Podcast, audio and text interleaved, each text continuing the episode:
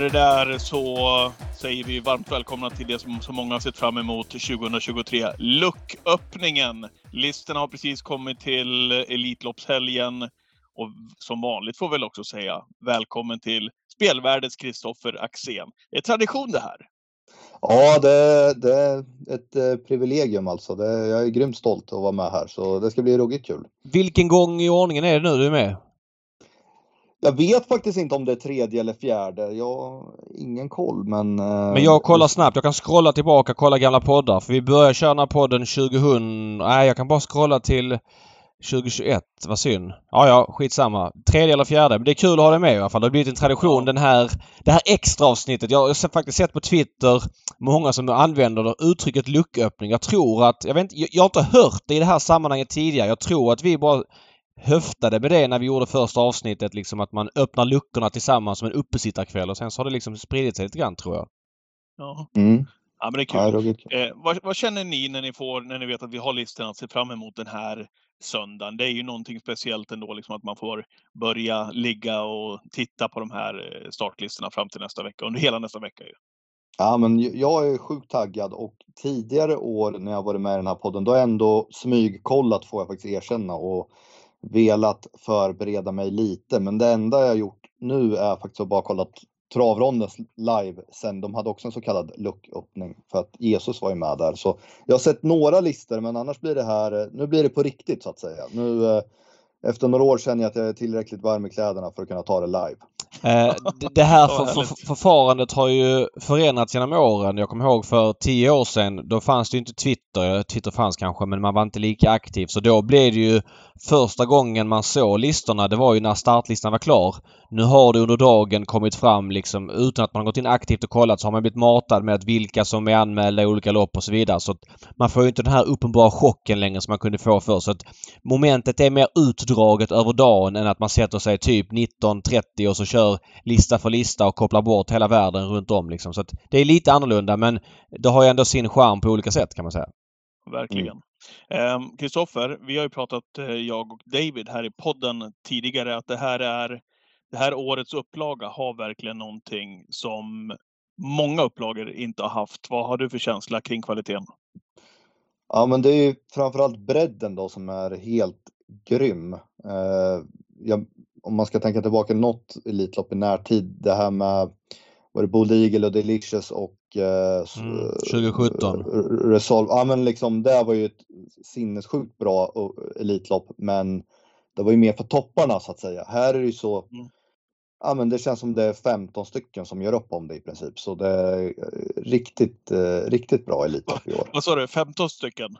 Ja, ja men precis. Ja, men det är någon... Vem är den jag chanslöse? Ja, men Just Believe, den, eh, Ja, den, den lägger jag in i facket chanslös. Och det är, ja, eh, jag vet inte om vi kommer prata om den framöver, men det där har ju tappat sin charm lite, det där med de här australiensiska, australiensiska hästarna och sådär. Som- varför- varför tycker du det? För att, för att kvaliteten helt enkelt är för dålig rent Nej, eh, kapacitetsmässigt på dem? för- för att kanske för 20 år sedan så kunde man säga så här, nu har det blivit eh, en eh, australiensisk häst inbjuden eh, och den heter så här och det var enda infon man hade egentligen fram till start. Man visste ingenting. Nu har man ju sett den gå något kvallopp där den liksom stapplar fram i 15 tempo och, och ja, men man, man, man har mer info om hästarna och då kan man liksom i princip avfärda den ganska så snabbt. Och det var ju, det, några år har det varit med såna här som då har de gjort någon start innan Elitloppet. Det här stoet, va? vad hette hon, Mauri Time eller något sånt där. Mauri. Just det, Mauri Time ja. Ja Ja. men sådär. Och, så, och det var ju någon annan också. Lyle. Creek, Lyle Creek gjorde det också. Men den vann Ja. i sitt lopp för Torbjörn Jansson någon onsdag på Valla någon vecka innan Elitloppet ska sägas. Och så hade Ja, vi väl Ni- Night Pistol på besök också. Sandons Gift har jag in också att den startade och typ var dålig. Så det var ju liksom ingen så här, eh, ja, men det, det var inte så spännande att se den sen i Elitloppet. Uh, och, och ja, jag får ingen nerv av Just Believe, men det kanske man hade haft för 15 år sedan, för då går det mer att snacka upp hästarna att den här är grymt startsnabb, den kan 09 säger tränaren. Ja, men du vet, det, det, det går att hypa dem på ett annat sätt. Nu går ju inte det Mm. när, när tekniken finns att se dem, så då är jag inte riktigt... eh, i- Ja, men, men jag håller faktiskt med dig lite. Jag kan, jag kan köpa vad du säger. Att, alltså, för mig blir det en, en tvåstegsraket. Ena, är ju att man har sett dem som du säger och de, de bevisar ju liksom australiensisk travprat live så att du kan se dem ganska enkelt. Det är klart att det tar bort lite av myten och spekulationerna. Sen mm. är ju nästa steg och det tycker jag är direkt bedrövligt att de startar på svensk mark innan för då försvinner ju hela grejen ju. Ja, det ska de absolut inte göra. Men jag tycker fortfarande att som det är nu Ja, han kanske är chanslös, Just Believe. Men, men storyn och, och liksom att en häst från andra sidan jorden, liksom typ det landet som ligger längst bort från Sverige, kommer hit och tävlar. Låt han vara chanslös. Det får vara det. Men jag, vilken häst hade varit mer intressant? Jag menar, nej, nej. Där, där vänder jag mig ingenting emot. Alltså, jag är ingen emot att den har blivit inbjuden och sådär, men eh, jag avfärdar den som att den har någon som helst vinstchans att vinna Elitloppet. Ja. Men då ska man också ha med sig att den körs av Greg Sugars. Man vet inte vad Sugars har att bjuda på så småningom här. Nej, det gillar man. Man gillar ju sådana där faktorer. Ja, så är det. Um, Okej, okay. sedan senaste podden kom ut uh, så har vi fått Ultion Face först då, uh, in i Elitloppet. Därefter Mr Hercules, Usain Tölbes och Dream Trio. Vill ni bara ta ner de här uh, innan vi ger oss in i försöken här? Ultion Face, om vi ska ta dem i någon kronologisk ordning då, så Uh, ja, men jag köper den inbjudan. Uh, ett, ett färgstarkt ekipage. Den var ju faktiskt väldigt bra i nederlaget på, på Solvalla där, även om uh, det tog emot sista biten. Och sen uh, Colgjini i Elitloppet. Nu är det inte som, det är inte, han, Adrian är inte Ludde, men det är ändå, det är Ludde light i alla fall. Kan du utveckla det när du säger det, att Adrian inte är Ludde? Ja, men, men han är inte lika liksom vad ska man säga, utan att eh, han, han kör inte, det, det händer ju grejer med Ludde i, i ett lopp och särskilt i Elitloppet. Det är ju en, en, faktor som, som är väldigt stökig så att säga. Adrian tycker jag inte har riktigt så, men han är ju offensivt lagd men inte på samma sätt. Nej, jag, jag, jag håller, man... helt, håller, helt, med dig. Alltså Ludde var ju ruskigt offensiv på ett sätt och eh, hade en annan pondus med tanke på att han har hållit på med det här i, i väldigt många år och sådär. Adrian kör på ett annat sätt och jag blir lite när folk säger, du säger färgstark, det kan jag köpa men det går fortfarande någon så här, eh, ja men eh, kul med Colginis, de, de kommer gasa. Fast Adrian är ju inte någon person som i Elitloppet kommer liksom köra för att göra bort sig eller så här pressa på ledaren. Eh, möjligtvis att han skulle kunna svara ledningen i lite större utsträckning med någon häst än vad vissa andra kuskar gör. Men det är ju på den nivån. Det är ju inte mer än så liksom. Uh... Nej men och sen är det lite runt omkring också att de bjuder på lite hype. Håller med om det. expert på det där ja. att uh, hypa upp och, och liksom vi ska krossa dem från dödens. Ja. Alltså det, ja. det, det, det där som bidrar också. Och ska man få lite förtur för att man är sån? Ja, det tycker jag faktiskt. Hellre det än eh, står det mellan det och, och någon mer grå eh, kusk så tycker jag att eh, hellre någon som sätter färg på det. Ja, ja. verkligen. Ja, Ultion, de andra tre då? Ehm, det var Ultion, ja. Mr Hercules då. Eh, hörde jag fel? Jag hade det på tvn igår i bakgrunden att om han vann loppet eller skulle vinna loppet i Gävle att de inte skulle gå ut i Elitloppet. Men där, det måste man ha svängt om eller hörde ja, jag men fel? Det, där kan jag bara bryta in kort. Eh, jag sa ju det i någon veckas på det. Jag tror inte han startar om man vinner på lördag, alltså Gävle. Eh, det byggde väldigt mycket på att Francesco i så fall skulle vara med, vilket jag trodde efter Umeå-starten. Och då var känslan att det finns inte en chans att han tar med en fjärde häst liksom. Eh, men, men, och det var väl lite grann känslan. Jag, nu såg inte jag sändningen för jag var på Gävle igår men att, att Redén själv hade den vinkeln. Men nu var han väl så pass bra eh, fungerade med det här Kantiberg-huvudlaget som han hade väl. Och, och eh, ja, jag vet inte. Det var svårt att tacka nej kanske när man har chansen med Elitloppet. Jag vet inte vad ni säger där. Nej men sen hade, sa han väl i dagens sändning att eh, hästen eh, på morgonen där hade, det hade inte märkts att hästen hade gått lopp dagen innan studsa ut i hagen och var ja, helt vild och sådär. Så det, det, var, det var klartecken så från hästen så att säga. Mm. Vad säger du om att han blir inbjuden då? Eller att han tackade ja? Alltså vad tillför det tycker du? Ja, vad ska jag... Alltså, kanske inte supermycket så då. Eh, det är väl kuskvalet då som gör det till en eh, lite mer spännande faktor än om exempelvis någon mer, vad ska man säga, mer eh, etablerad svensk. Ja, men precis som man liksom vet vad man får. Santo Raitala, eh, ja, det, det, är ändå en, en, en intressant faktor. Vad, vad säger ni om det kioskvalet till att börja med? Var det oväntat eller? Eh, ja, men det måste man väl ändå säga. Han har väl inte kört åt Redén i någon utsträckning överhuvudtaget. Eh, så att jag får nog säga att jag är förvånad tills det dök upp på radarn här för mig eh, under förmiddagen. Men eh, ja, alltså Klart att Det- du satt på inside, Ja. som vanligt. Ja, Men, men så här. Det är klart det är klart att när det är en tredje häst för Redén då är det lättare att göra en sån här grej för att, för att göra ekipaget lite mer spännande.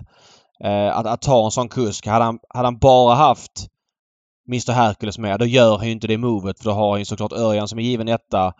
Men även inte ens om han har haft två hästar så jag tror att det skulle till något så här att, att de äger hästen själv och, och så vidare. Och sen är ju Santo en jättevass kusk. Alltså jag tror ju inte att jag, jag tror att, nu gissar jag här vill jag säga, men han är lite rivig Santo, offensivt lagd.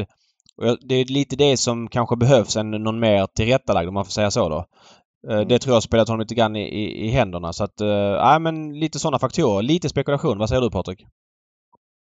Fullständigt överraskande för min del. Jag, hade du frågat mig om tio kuskar som, eh, som jag trodde på så hade jag inte lagt in eh, Santo Raitala bland de tio kan jag säga. Så att eh, en överraskning, ja, det är väl, känns väl helt okej. Varken från eller till kan jag tycka. Tillför väl inte så mycket.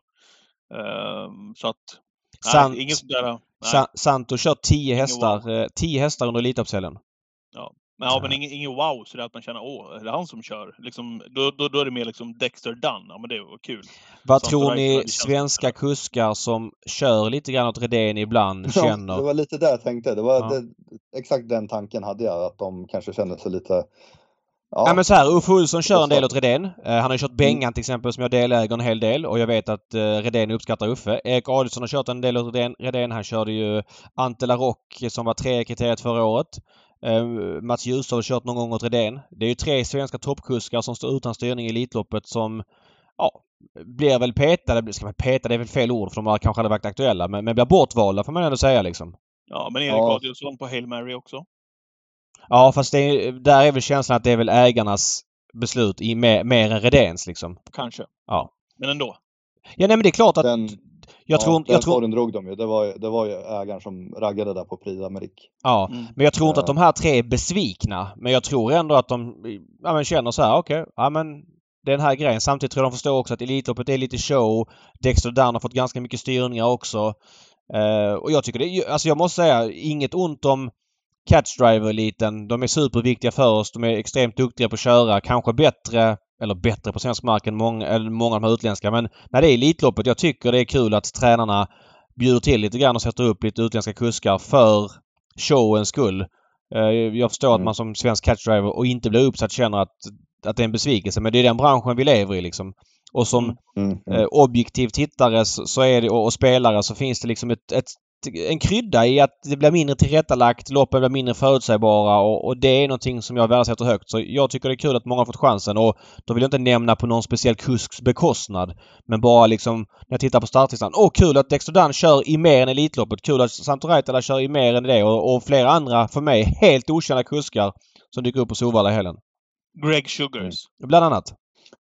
Vi, ska, Vi- vi kanske ska gå vidare från Mr. Ekes, men jag vill bara säga Ja. att det är svårt att vinna Elitloppen, men det är också uppenbarligen väldigt svårt att få en styrning dit. Om du, de här du räknar upp, Adelsson, eh, Ulf Olsson och Mats i Ljuse och sen har vi även Jeppsson. Ingen av dem kör något Elitloppsförsök. Försök. Nej. det är ändå toppkuskar i landet. Så ja, det är inte lätt Ja. att få plats. Usain Tull in också efter gårdagens ja, insats får vi väl ändå säga, även om det blev galopp. Alexander Abrivader som ska köra. Vi kommer strax till försöket också. Vad säger ni om den inbjudan till att börja med, Usain Tull? Jag kan bara säga Min- kort. Ja förlåt, kör. Ah, vinner utan galopp? Frågetecken. Mm. Mm. Jag gissar att. Malmö har snackat med Magnus som har sagt det. Uh, utländsk häst. Jag tror att det var en tung bonus att Alexandra Brival kan köra för mixens skull. Jag tror att det blev lite avgörande. Eh, han har ju varit i Sverige en hel del och han är ju svenskfödd så att vi kan honom men, men den faktorn tror jag väger ganska tungt och som sagt vinner han då gårdagen utan galopp, ja då, då ska han ha. Så att jag protesterar inte men det var inte givet för mig. Nej, okej. Eh, och sen eh, har vi då också Best of Dream Trio, den sista platsen får man säga då, till, till Norge. Tankar kring det? Ja, eh, har gjort en start efter eh, den här operationen. Han hade någon pinne i halsen och så vidare och han kom ju som en storm på V75 förra året och är väl precis ur silverdivisionen. Kommer ju då väldigt mycket underifrån. Ändå har vi sett honom ganska mycket. Eh, alltså det, det, som jag tycker är osexigt med Best of Dream Trio det är att han är en cocktail mellan nationer. Ja, han har norsk flagga för att han då representerar Norge som norskägd och tränade i Norge. Men han körs av en svensk kusk och är väl Italienfödd. Eh, så att det är en, ja precis, Italienfödd ägare Norge, norsk tränare, svensk kusk. Den kock... inte det eller? Nej men, jo men den cocktailen gör väl att det blir lite svårt. Vem ska heja på honom liksom? Ska norrmännen känna åh, en norsk, eh, vad norsk säger det. Det är inte Steinlager 05 liksom om han vinner. Uh, och, och, vi svenskar, ja men vi har en svensk driver men, men och alltså du vet, det finns, för mig blir den cocktailen lite för rörig för att hästen ska ha liksom en tydlig identitet. Sen är det kanske inte det som är det viktigaste utan det är hur bra han är. Ja, han är väl tillräckligt bra. Ett lopp i kroppen efter den här operationen. Därmed lite osynad var han är på formkartan. Såg ju briljant ut när han vann på Biri så att... Ja, jag protesterar mm. inte. Nej. Jag vill bara säga det att eh, enligt mycket säkra källor på stan så eh, Eh, hmm. var emoji påtänkt för sista platsen eller en av de sista platserna men där hade Flemming Jensen efter målgång igår sagt att han tycker att hästen är för osäker på autostart och liksom i princip sagt att jag kommer inte vara med. Så att, eh, ja. Och där är det ju 100% danskt på ett annat sätt. Den här platsen är ju vad den är. Den ska väl inte lägga speciellt mycket mer krut på att diskutera plats 16. Det är lätt att, det, att vi hamnar där, men han, han han gör sig icke besvär ändå väl, Best of Dream Trio, i, när det handlar om slutsegern om vi spekulerar ja. kring den. Eh, vi hade ju pratat lite grann om Chapuis tidigare också, mm. just med anledning av Åke Lindblom och, och allt vad det skulle innebära och hur kul det skulle vara. Men eh, som sagt, norsk flagg trots allt på Best of Dream Trio. Lite kul ändå tycker jag att det är Kim Eriksson får fortsätta att köra också, även om nu Elitloppet väntar om en vecka. Ja, Eh, där har vi dem, de, de 16. Ska vi, ska vi gå in och syna de här försöken då? Mm. Eh, och eh, David, till att börja med, du tyckte att det var två ojämna försök. Där eh, skulle jag gärna vilja att du börjar med att reda ut vad är det som är ojämnt?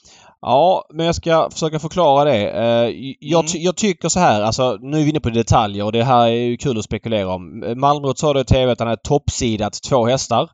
Han valde alltså att toppsida San Motör som är förarens favorit. Eh, det tycker jag är helt rätt. Och, och då, ska, då ska han välja en annan häst som den då inte kan möta i försöket som man vet innan lottningen. Och den han väljer det är Etonant och det... Mm, jag tycker inte Etonant ska vara toppsida. Dels är Etonant en ganska tacksam motståndare att möta i försöket. Han är ganska långsam ut, det är ganska hög galopprisk. Han Eh, risken är stor att han hänger i spåren. Han har ganska hög risk att komma bort om han om det inte blir tempo på loppet. Och formen, han är ändå nio år nu. Man måste kunna sätta ett frågetecken runt det. Eh, totalt sett så tycker jag att nej, jag ser inte honom så... Jag kanske är femte, sjätte handlar för mig. Och att, att jag, alltså, vem, om jag får välja en av hästarna att möta i ett försök så tar jag 100 av 100 eh, etonant. Alltså en samotör. Så att redan där tycker jag att det finns en liten fördel. Men vilka skulle ha varit sidade mot San Motör då? Vilken ja, men det, det, är en berättigad fråga och jag kanske tycker Don Fanucci skulle varit det. Uh, jag, och då hade det inte blivit någon skillnad? Uh, nej, de... jag, jag, vet. Men jag skulle vilja byta plats på Etonant och Hönek till exempel. För Don Fanucci möter, jag tycker det, det första försöket, jag upplever det som lite tacksammare för en snabb häst. För det är ganska många... Etonant, ja han är speciell. Vernissage Griff är lite trög. Eh, uh, Just Believe är chanslös. Brother Bill är liksom ingen som är med i spetsrusen heller. Alltså jag kände innan låtningen, oj Örjan kommer kunna eh, manövrera hur han vill det här. Men vi ska inte glömma bort att han slog, eh, eller Örnas Prins från dödens plättlätt i försöket förra året på 9 1. För mig fanns det liksom inga... Ja visst, Stolder Show är ganska snabb ut och Dexter Dan kör en liten faktor. Men jag kände att oj vad han kommer kunna liksom styra det här hur han vill med Tror du Per Nordström kommer sitta på pisken första hundra? Ja, jag, som lottningen blev så skulle jag bli mycket förvånad om Per Nordström försöker ta en längd på Don Fanucci. Jag tror att han kryper ner i rygg. Men det är ju efter lottningen så då är det en annan sak att han fick spår rätt Don Fanucci. Det är ju sin sak. Men jag upplever att eh, det andra försöket då med eh, ja men framförallt Hail Mary, Hönek, San Motör framförallt då och lite grann Mr Hercules också, även Josin Töll. Att det blev lite jämna på den vänster. Det, det känns okay. stökigare för mig. Jag vet inte, vad säger ni? Ja, jag, jag ja men du, du missade en, jag ska bara säga, du, du, du missade den viktigaste poängen där med Etonant. Uh, han kommer gå med skor i försöket, uh, precis som förra året. Uh, och det är också ett jätte, eller jätteminus är det, men det är ett minus. han kan väl uppenbarligen inte gå barfota två gånger samma dag. så skor i försök och så rycker man dem i en eventuell final och förra året så kom man ju knappt vidare då som fyra. Så du, du har en poäng i alla fall med, med etonalspaningen. Mm. mm. Patrik, du håller inte med. Du var förvånad när jag sa det här. Hur ja, men jag tycker du? framförallt att det, ja, men jag tycker att det är två superjämna hit. Eh, kan inte säga att det är något är tuffare än det andra. Jag är ganska säker på att både Önas Prince och Stole the Show, eh, så som lottningen nu utföll också, kommer liksom vara med den första biten. Don Fanucci sett kul och spännande att han fick spår 1 med tanke på vad som hände under fjolåret. Det är inte helt givet bara att, att skicka därifrån med tanke på hur han betedde sig i fjol. Ja, kanske en tillfällighet, men ändå spår 1 igen inför den massiva publiken. Så att eh, två jättejämna hit.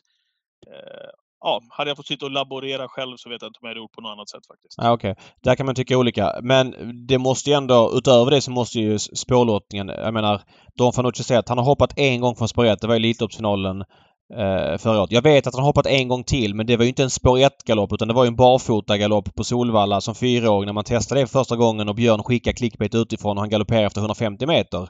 Så att Ja, det, det, är klart, det är klart. Han galopperade i det största loppet vi har som 1,78 favorit. Det är klart att alla kommer associera det liksom att han är osäker. Men jag har ju snackat med både Örjan och Redén, eh, framförallt Örjan, innan och efter det här. Och menar, han menar på att det finns ju ingenting utan det var ju en slumpfaktor. Det, den galopprisken kanske är marginellt större från ett än andra spår när det gäller Fanucci.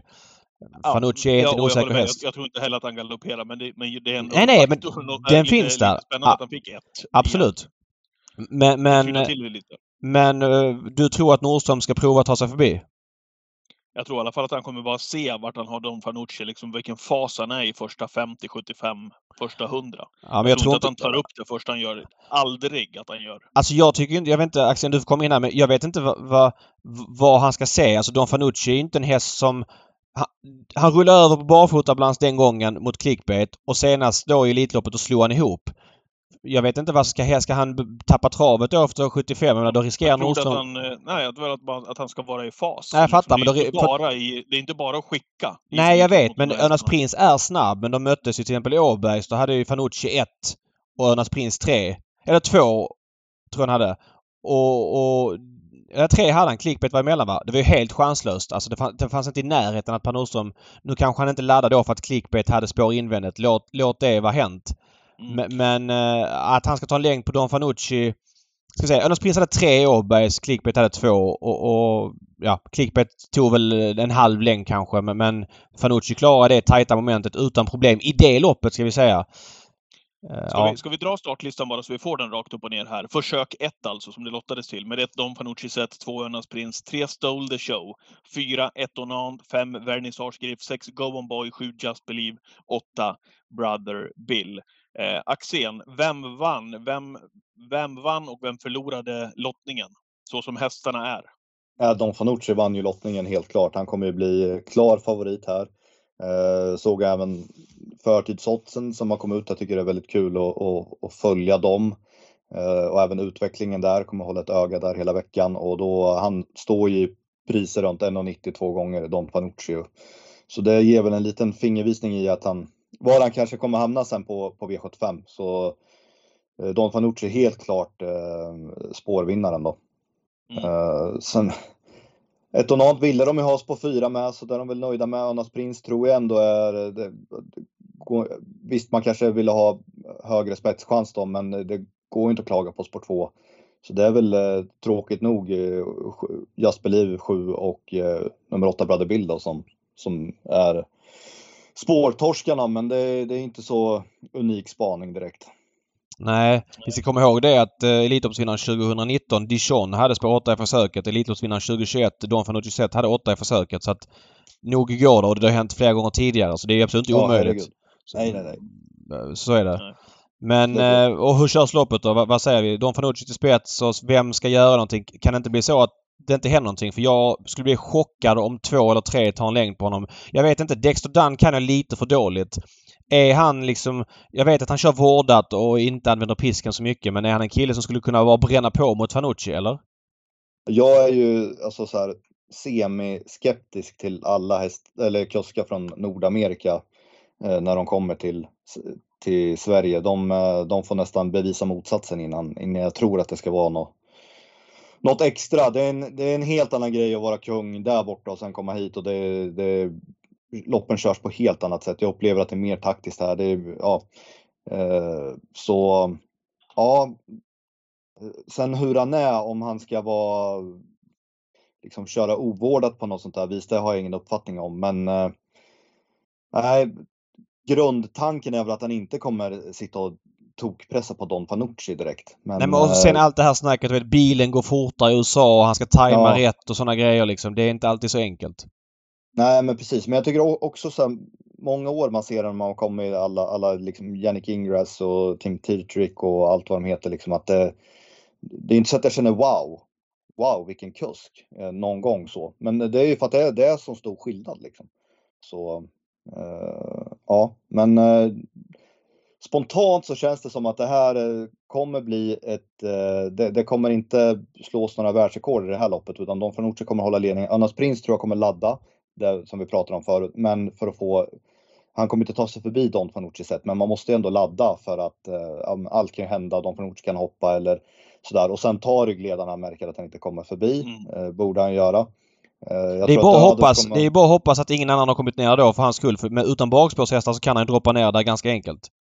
Mm. Problemet är att om man, om man droppar ner så, så tenderar det att kunna bli ett gap mot den framför. För att då, då, då tar han upp lite grann. Och när han har kommit ner innerspår så tar det kanske en liten stund innan han kan börja köpa honom igen. Det finns ju risk att någon utifrån kan komma ner emellan om man, om man inte laddar lite grann. Så att han kan ju inte droppa ner rakt av utan måste ändå vara med lite grann liksom. Mm.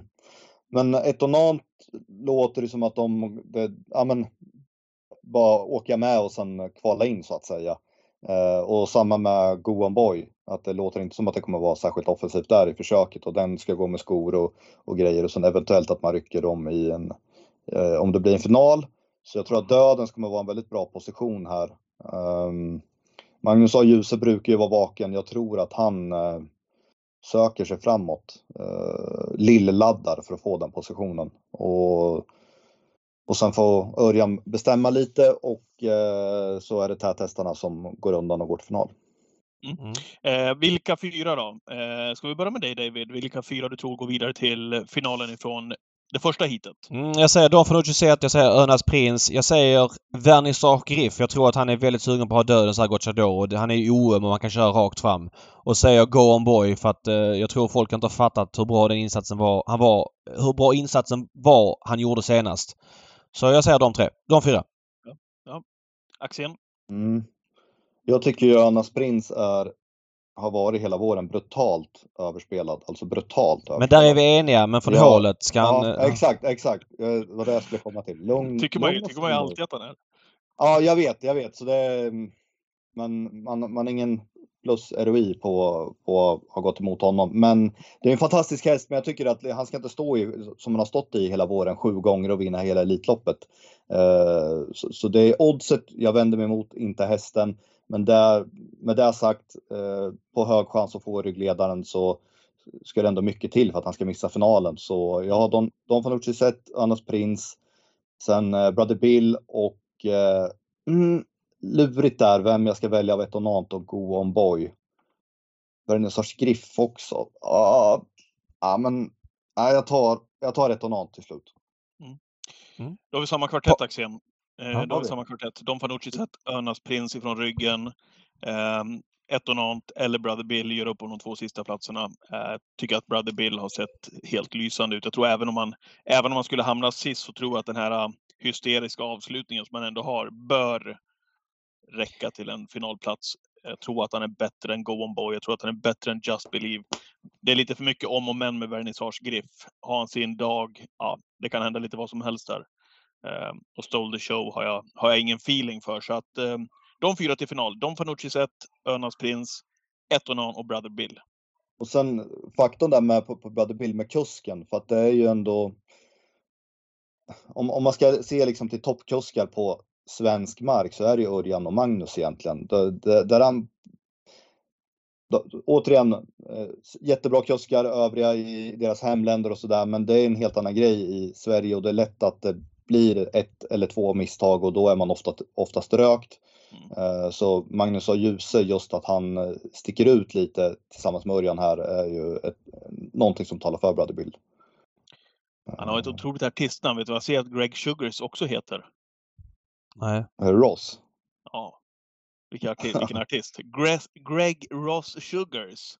Mm. Ja, vi får se hur det går för Just Believe. Vi flyttar oss vidare då till eh, Heat 2. Eh, En kortis bara, en, en, en kort take från dig Kristoffer och dig David. Hur viktigt är det tycker ni att, att eh, hamna i det första heatet med att få lite längre vilopaus? Eh, noll, det spelar noll roll. Jag, jag tror att det finns någon data på det att det är en- marginell för, fördel men jag vet inte hur mycket det är. Men jag vet att Fanucci, när jag trodde extremt mycket på honom 2021 då fick han spår 8 i det andra heatet. Det var sämsta möjliga och ändå vann han så att ja, jag tar också Ja, med, men med en nypa salt. Jag, jag kollade upp lite där. Det var en av få grejer som jag orkade kolla upp. Eh, och då kollade jag de senaste 16 åren och varför just de senaste 16? Jo, för att jag orkar inte kolla längre för jag märkte att det spelar ingen roll. Uh, det, är, det har varit försök 1, två år i rad, sen var det försök 2 i flera, många år i rad, sen har det varit 1, 2, 2, 1, 2, 2, 1. Totalt på de här 16 senaste så har det varit försök 1, 6 segrar, försök 2, 10 det är ju väldigt lite data, men när jag, jag bara kollade ner också, då såg jag att det var, det är lite varannan och sådär, så jag, jag, jag tror inte att det har någon roll egentligen faktiskt. Det är ingenting jag kommer lägga någon, liksom väga in i någon analysbit i alla fall. Heat 2, försök 2. Då har vi Best of Dream Trio ifrån Innern. Ultion Face 2. 3. Mr Hercules. 4. Hail Mary 5. Önek 6. Sun 7. Vivid Wise As och 8. Usain Tull. David, din take på, på lottningen så som den utföll? Alltså först och främst så här jag till på att både Mr Hercules och Hail Mary är anmälda med skor runt om och vanlig vagn. Eh, det känns ju defensivt om man säger så. Sen så är det långt kvar och mycket kan hända. Så jag tar inte för mycket notis om det. Äh, Det här loppet tycker jag är superspekulativt. Alltså eh, hästarna 1, 2 och 3. Alltså Mr Hercules är väl medel plus plus ut utan att vara supersnabb. Han tar ju inte längd av sig själv på 1 och 2. Jag hörde i tv-sändningen idag att de sa att Adrian ville köra i ryggan den här gången. Men jag är inte säker på att han tar sig förbi Kim sida sida och eh, nog vill Kim inte släppa till Adrian i sin tur för att Adrian sen släpper till någon annan. Så att det kan nog bli lite huggsexa om eh, att släppa till den som är först framme av Mr Hercules och Hail Mary. Det tror jag nog ändå är Hail Mary om jag får spekulera lite grann. Eh, Men det är jättemarginellt och det finns flera olika scenarion här som eh, stökar till det. Jag vet inte, vad säger ni? Det, det enda jag vill av, eh, först och främst det här med skor och vanlig vagn. Det, det var även så på skor och vanlig vagn på Don Fanucci, så man får väl gissa att det, det Tillfället. har ja. bara blivit så av ren Ja. standard, det kommer ändras. Nej, det enda jag vill av det här loppet, eh, Elitloppet försök 2, är att antingen ett körs ledningen, Best of Dream Trio, eller två Ultion Face och så får de andra slåss om dödens. Helvete vad roligt det här skulle vara att kolla på. Eh, jag vet att det har varit prat om att Ultion Face, att den, eh, ja men han kanske vill köra i ryggen nu och sådär, men jag läser fortfarande att han heter Colgjini och jag har svårt att tro det. Jag tror att han kör i ledningen om han tar sig dit. Jag hoppas att Kim Eriksson har samma tanke med Best of Dream Trio. Eh, det tråkigaste vore typ att Best of Dream Trio spetsar, svarar Adrian och sen släpper typ till San Motör eller något sånt. Alltså, det- Fast det vara- händer ju inte. Det kommer ju vara Nej, flera nej, som är framme före. Ja, jo såklart, men att han, ja, svarar dem och sen att den, för San Motör söka sig framåt eller? Absolut. Mm. Jo, jag, jag tror han är nöjd med en lugn döden som man kan. Men Ja. det är som du säger, det är många som kommer vilja ha det liksom. Hörnek med första jänkarvagn, hur kan den öppna? Det är inte omöjligt att han kan öppna ganska bra. Men han tar sig väl knappast förbi Hail Mary sida sida så att då kommer han i så fall, alltså ja, då kommer de två slåss om att vara först fram och sådär. Mm. Och Josef Töll är startsnabb. Jag vet inte vad Alexandra Brevard tänker därifrån. Det här, det här försöket är ju... Ja, jag ser så mycket fram emot det här loppet så att det finns inte... Jag, jag kan inte... Det finns så otroligt många scenarion och ja, Jag vet inte. Jag, jag, jag kan inte säga att jag har mer känsla för något än något annat. Liksom, Adrian kanske får en halv längd på Kim och båda... Ja, jag vet inte. Det finns väldigt mycket. Det enda jag vet är att Vivi Weisshaus kommer hamna långt bak. Det är väl i princip det enda. Uh, annars så kan jag inte säga så mycket mer. Nej, men det första försöket kändes ju sådär givet på något vis hur det ska köras. Nu, nu är det inte säkert att det blir som man tänker ändå, men det här är ju sjukt stökigt. Men som sagt, jag hoppas att det, jag hoppas verkligen att Best of Dream 3 eller Ultimate Face provar ett spets, för då, då ska det här bli kul. Mm. Eh, jag har ju... eh, Ja men Hönek är kanske den, kanske den mest... Den hästen av alla som jag känner att här kan det bli eh, vad som helst med en otrolig höjd. Är det så att det faller vä- väl ut då med jänkarvagnen och 1000 meters bana och och allt det där som man tror att han ska gilla så känns det som att han kan springa hur fort som helst. Vilka fyra ja. går vidare David? Ja, eh, jag drar till med Best of Dream Trio på läget. San Motör för att han är bäst. Hönek för att han är bra och det är intressanta grejer. Sen säger jag ändå Hail Mary för att han har den formen han har och är så pass grundkapabel även om jag inte vet var han hamnar härifrån. Så att eh, de fyra säger jag. Mm. Får, jag, får jag bara lägga in en grej här? Nu svär jag ju i kyrkan, fullt medveten om det. En vecka kvar till Elitloppet. Eh, samtidigt som jag också garderar mig själv lite grann för uttalandet i och med att jag inte har sett Sandmotör någon gång tidigare när han har tränat eh, på rakan. Det är väl ute där på Löken väl. Eh, så mm, jag fick se bilder på Sandmotör här och han har ju en speciell stil. Men det var inte så att jag kände wow vad läcker han såg ut utan liksom ha, är det, är det där status Vad känslan jag hade på Salmotör. Sen hörde jag intervjun med Håkan Arvidsson som var hundraprocentigt nöjd och, och, han, och han tycker själv då enligt intervjun att han har Salmotör precis där han vill att han ska vara med en vecka kvar. Men jag varit lite sådär så att jag höjde på ögonbrynen och tänkte, jaha okej, okay, så där han brukar träna. Jag varit inte imponerad av det jag såg. Nu får man väl äta upp det. Men som sagt, gardera mig för att jag inte vet hur han brukar se ut i träningsjobb. Var det någon av er som såg eh, filmen? Nej, jag har inte sett den. Men Nej, eh, jag, jag har också upplevt eh, han, eh, två segerdefileringar. Dels eh, på Karlstad, dels senast Åby. Jag vet inte om det är för att det går lång, långsam fart men han känns liksom lite stötig bara bitvis. Ja. Men, men, men, det är inget jag upplever i, i loppen. Så att jag, jag, vet inte. Det kanske var, är att det är långsamt. Och det, det blir ju en häst man synar liksom sönder och samman. Men jag menar hans resurser, ja. det han visade när han vann jubileumspokalen var någonting utöver det vanliga. Jag köper att han är favorit men men jag skulle aldrig vilja spela honom som favorit. Det är två hit. Eh, han, eh, ja, men det går inte, han är inte snabb Nej, ut. Han kommer få gå en rejäl repa båda loppen om man ska vinna liksom. Var hamnar han? Ja, nej, det finns mycket spekulativt och, och, det finns även i min bok att han bara får döden så vinner. Så att jag vet inte. Alla scenarion känns liksom liten bit bort vad den blir. Så iskall som favorit spelobjekt som, som Axén sa. Men hästen fantastisk älskar liksom. Ska jag ta mina fyra då? Före kör, axeln, kör. Eh, till, till det här. Så slipper du kopiera, det är bra. Ja, jag, vi, hade, vi hade ju typ samma, jag tror vi hade samma båda hiten i fjol, Patrik. Ja, okej. Okay. Ja. Vi, har, vi har väl haft 100% rätt också tror jag? Ja, ja det, det vet jag inte. eh, okej, okay. vidare ifrån det här försöket. Jag säger eh, Ultion Face på läget. Jag säger faktiskt eh, Mr Hercules med Santo Raitala på, på hans jämnhet och hans nivåhöjning och dessutom läget så tror jag han kan slinka med till en, till en finalplats faktiskt. Eh, Ultion Face, Mr Hercules, jag tror Hörnek går vidare och jag tror San Motör går vidare. Där har ni mina fyra. Axel? Mm. Ja, det, är så, det här är så svårt. Det är, Ja, jag får nästan vräka ur med fyra och så kan jag knappt stå för det. Men jag säger Ultion Face, Hönek, Samotör. Uff. Kör Mr Hercules då, så är vi lika axeln där också. jag, jag tror inte Mr Hercules lite svårkörd. Det känns så. Han är inte helt enkel va? Alltså ja, inte för att Santo inte klarar av det men jag vet inte. Ja, jag går inte jättemycket igång på kuskvalet där och lite samma med Hail Mary får jag ändå säga. Det, det är spännande men om man bara ska bedöma det rent spelmässigt så eh, tror jag ändå att det är klart minus. Uh, jag kan utveckla det. Men, uh, ja men utveckla det, kör! Vi har tid på Nej, oss. Men, uh, ja, ja, men det, det, är ju alltid så här Åke Svanstedt, fan vad kul att han kör och Elitlopp och det är det ju. Men ser man liksom bara de här Elitloppshelgerna sen han stack till USA och sen har han ju kommit hit på besök och han är ju nästan alltid hårt spelad och han är uppsatt och sådär. Och eh, sen 2014 då har han kört 32 lopp den här Elitloppshelgen, vunnit två. Eh, varav ena är det här kallblods speedracet.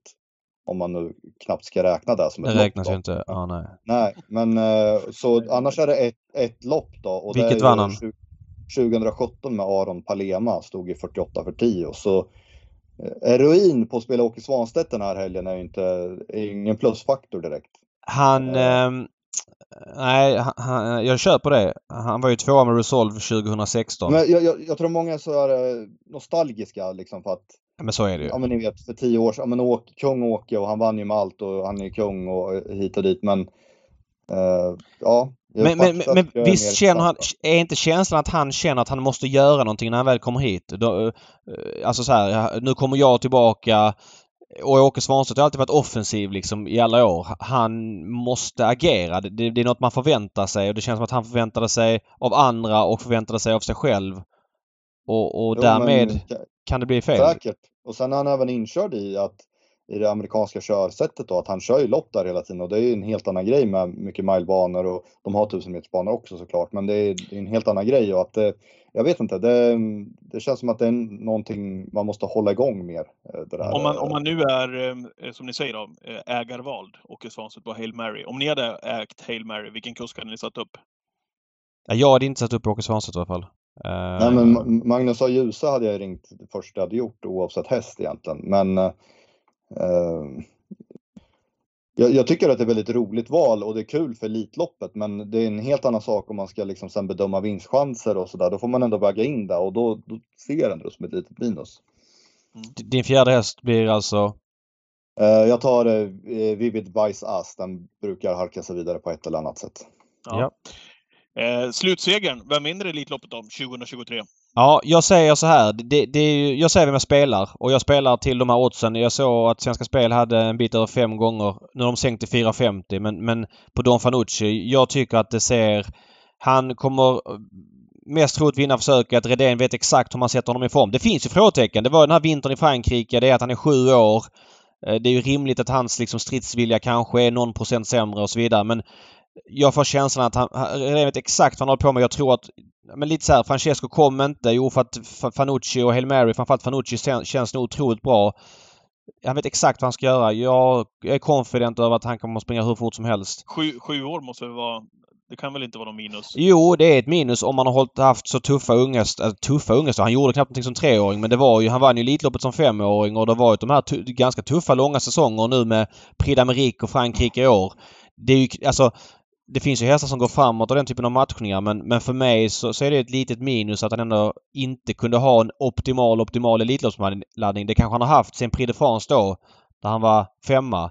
Men det är ändå lite kortare än tidigare år då det bara varit det här men nej, jag har svårt att säga att han inte ska ha ett eller två i finalen och då, han kan absolut torska från spets men då ska de göra det. Så jag säger Don Fanucci. Ja, jag har eh, spelat ett och nan till över tio gånger pengarna. Eh, nu såg jag att han efter lottning gick ner till 7,50 men han känns ju inte så beroende av vilket läge han trots allt får i försöket utan det är väl mer att ta sig till final och sen så såg man ju vad han vet vad han kan när de får eh, rycka skorna på honom i, i en eventuell final. Jag tror att de får vara jäkligt bra helt enkelt om de ska slå ett och något om man tar sig till final. Så att jag är, jag är confident med mitt spel där faktiskt. och hade min slutvinnare också till Elitloppet. Din dag Axén?